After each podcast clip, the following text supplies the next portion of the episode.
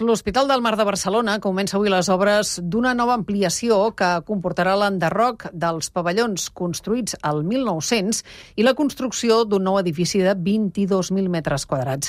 L'ampliació incorpora algunes de les necessitats que s'han posat en evidència durant la pandèmia, com per exemple més llits, més UCIs i l'aïllament fàcil de les diferents zones de l'hospital.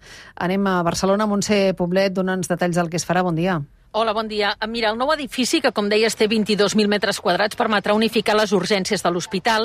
Tindrà sis plantes d'hospitalització amb 75 llits nous i també amb quatre quiròfans preparats, per exemple, per fer cirurgia robòtica i amb realitat augmentada, més de 18 llits de cures intensives i un heliport. Tot s'ha pensat i dissenyat en base a les aportacions dels professionals i els pacients de l'hospital i, com no podia ser d'una altra manera, tenint en compte les necessitats detectades durant la pandèmia.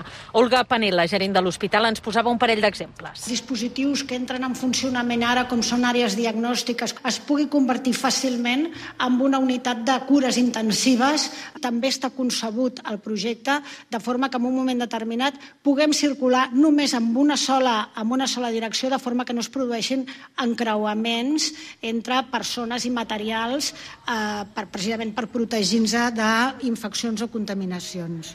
Les obres que comencen avui també permetran traslladar aquí el servei d'oftalmologia que ara està a l'Hospital de l'Esperança i que anualment obliga a desplaçar-se a més de 10.000 pacients per fer-se uns 37.000 tractaments. El cost total d'aquesta ampliació és de 147 milions d'euros.